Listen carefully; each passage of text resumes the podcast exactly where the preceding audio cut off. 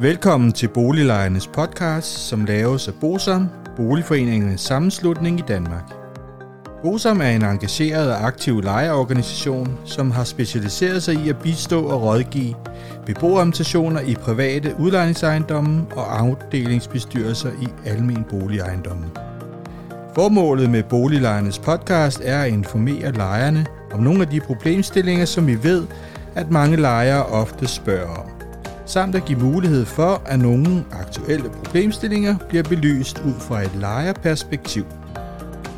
Boliglejernes podcast er lavet af lejere til lejere.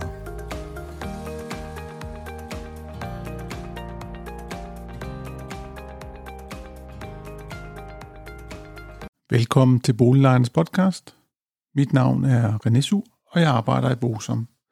Denne gang der skal vi se på en undersøgelse fra Aalborg Universitet om oplevelsen af energikrisen i Danmark i forbindelse med de stigende priser på energi og den opståede knaphed på blandt andet gas i vinteren 2022-2023.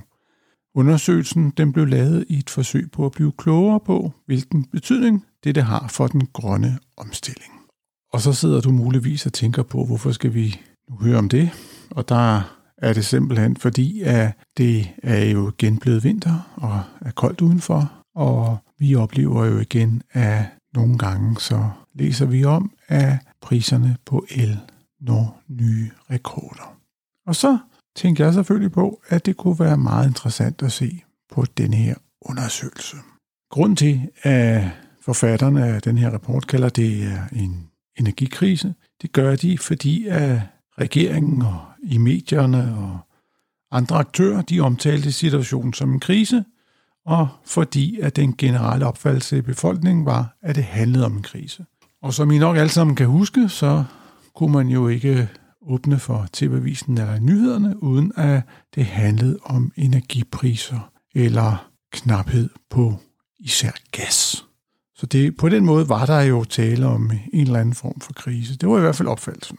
Vi må også sige, at det vi jo alle sammen oplevede, det var, at priserne på energi, de steg markant. Og det var jo især knaphed på gas, som der blev snakket meget om, plus at der blev meget fokus på elpriserne. Det blev også meget populært at følge med sådan dag til dag, hvornår var det billigst at vaske og bruge strøm i det hele taget.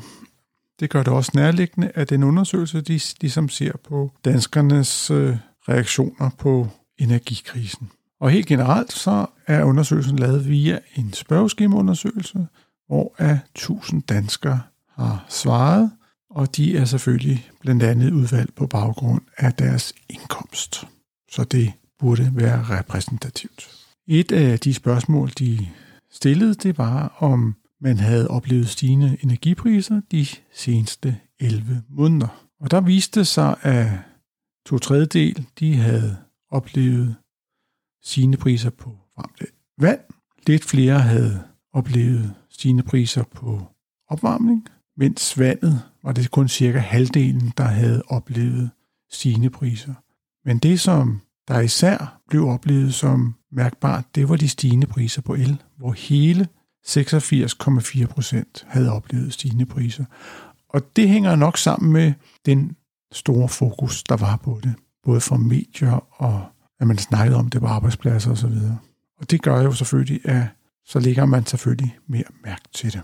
Hvis vi så ser på, hvordan er en bekymring for højere energipriser er fordelt i forhold til indkomstniveau, så viser det naturligvis, at de besvarelser, hvor at personen er i den laveste og næstlaveste indkomstgruppe, selvfølgelig er mest bekymret. Og det er jo meget klart, fordi at det har jo allerstørst betydning for de indkomstgrupper, som ikke har helt så mange penge som de øvrige. Og hvad har man så gjort for at komme de her stigende priser til livs? Ja, det er jo ikke overraskende. Det er, at rigtig mange har forsøgt at spare på energien. Og det viser sig, at ca. 72 procent har forsøgt at spare på energien, hvilket selvfølgelig ikke er overraskende. mens lidt over halvdelen har forsøgt at spare på andre udgifter for at klare de stigende energiudgifter. Lidt over en tredjedel af dem, der har svaret på spørgeskemaet, de anfører også, at de har følt sig økonomisk presset af de stigende energipriser. Til gengæld er det kun under en femtedel, der har overvejet at flytte i en anden bolig på baggrund af de stigende energipriser, mens cirka en sjettedel har været nødt til at låne for at klare de stigende priser. Det er jo den måde, som folk har forsøgt at komme igennem den her energikrise. Først og fremmest ved at forsøge at spare på energi. I rapporten har man også set på lidt, hvem er hårdest ramt i forhold til energikrisen, og det er den laveste indkomstgruppe, aldersgruppen i 30'erne, lejere og børnefamilier, mens husstanden boende i enfamilieshus, husejere og ældre over 50 år og højere indkomstgrupper i mindre grad er blevet påvirket af energikrisen. Og det er jo egentlig også, hvad man kunne forvente, fordi at typisk har disse grupper lidt mere overskud end de øvrige grupper, som helt naturligt bliver mere påvirket. Og så er der selvfølgelig også nogen, der har forsøgt at lave ændringer på de forhold omkring energiforbruget. Og lidt over halvdelen har ikke foretaget nogen ændringer, mens cirka hver tiende har forbedret boligens energiforbrug. Der er cirka en fjerdedel, der har skiftet energiselskab. Og så er der ganske få, der har anskaffet yderligere apparater til at producere el, eller anskaffet yderligere apparater til opvarmning. Men som sagt var der jo en hel del, der forsøgte at spare på energien, og den mest udbredte måde at gøre det på, det er at bruge mindre elektrisk lys, eller at have lyset tændt i færre timer. Så er der også en hel del, der tager færre eller kortere brusebade end tidligere, eller undlader at bruge tørretumbleren. Og det tørretumbleren ved vi jo alle sammen, at det er noget af det, der bruger mest energi i en husholdning. I undersøgelsen har man også spurgt om, hvordan folk ser på fremtiden, og der siger undersøgelsen, at næsten to tredjedel siger, at vi nok skal klare denne energikrise. 60 procent mener, at selvom energipriserne stiger her i Danmark, så skal politikerne fastholde sanktionerne mod Rusland. Undersøgelsen viser, at på trods af energikrisen, så skal staten fortsætte arbejde intensivt på at beskytte miljøet. Det mener lidt over halvdelen af de personer, der har svaret på den her undersøgelse. Og så er det jo selvfølgelig lidt interessant at se på, hvorfor har folk så sparet på energien. Og det viser sig, at næsten tre fjerdedel af alle dem, der har sparet på energien, de har gjort det for at spare penge. Der er selvfølgelig også mange, der vil forhindre klimaforandringer og hjælpe med den manglende energi, men hovedparten gør det for at spare penge, ifølge denne undersøgelse. Og i forbindelse med, at man sparer på energien, så har 71 procent gjort det ved at sænke temperaturen i det primære opholdsrum, mens af 62 procent har sænket temperaturen i for eksempel soveværelset. Men det giver selvfølgelig ikke svaret på, hvordan danskerne så har holdt varmen. De fire mest udbredte måder at holde varme på, det har været at tage ekstra tøj på, bruge et tæppe, tage nogle tykke sokker eller hjemmesko på, eller tænde et sterinlys. Så er undersøgelsen også inde på, at vi er blevet bedre til at udnytte de fleksible elpriser. Det vil sige, at danskerne er generelt gode til at flytte forbruget derhen, hvor øh, det er lidt billigere end i spidsbelastningsperioderne. Og det er jo også en måde at spare nogle penge på. Og det kan vi både se af det, de svarer, men vi kan også se det ud fra af, at over to tredjedele faktisk dagligt følger elpriserne på PC eller smartphone, og derved kan påvirke sin energiregning ved at lægge forbruget der, hvor det er billigst. Og det viser sig også, at ca. 75 procent de følger de her energiprisers variation og tilpasser forbruget til det. Det er også værd at lægge mærke til, at det er kun cirka halvdelen, som bruger en elmåler til at finde ud af præcist, hvad de her elapparater de bruger energi, og på den måde kan tilpasse forbruget. Det viser jo sådan set bare, at det, der er det væsentlige, det er, hvornår kan man egentlig spare ved at bruge energien på det tidspunkt, hvor den er billigst. Og lidt over halvdelen af alle besvarelserne viser, at danskerne bruger timer på vaskemaskinen og opvaskemaskinen, og på den måde flytter elforbruget. Og det viser jo også, at lidt over to tredjedel, de er blevet mere bevidst om, hvornår man bruger el i forhold til et år før, hvor der ikke var den her fokus på elpriserne.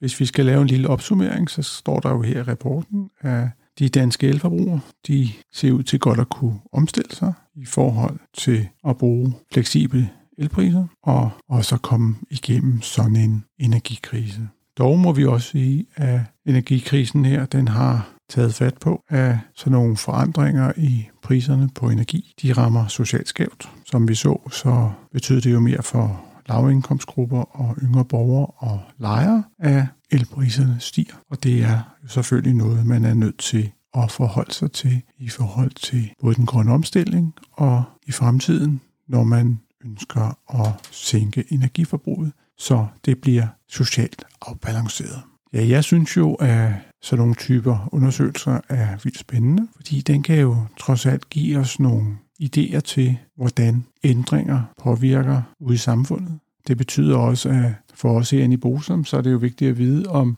det er noget, der rammer socialt skævt, om det har betydning for lejere, at energipriserne stiger osv.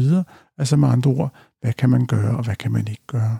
En ting er jo, at man har nogle formodninger om, hvordan det påvirker.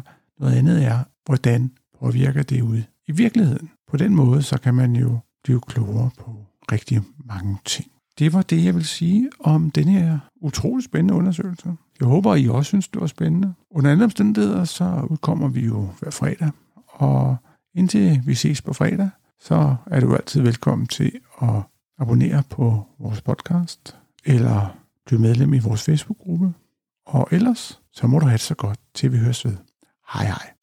Hvis du synes om Boliglejernes podcast, vil vi blive rigtig glade, hvis du deler episoden med dine venner, og måske giver os en anmeldelse og nogle stjerner i iTunes, så vi derved kan komme ud til mange flere lyttere. Oplysningerne i denne podcast er udtryk for vores opfattelse af retsstillingen på nuværende tidspunkt.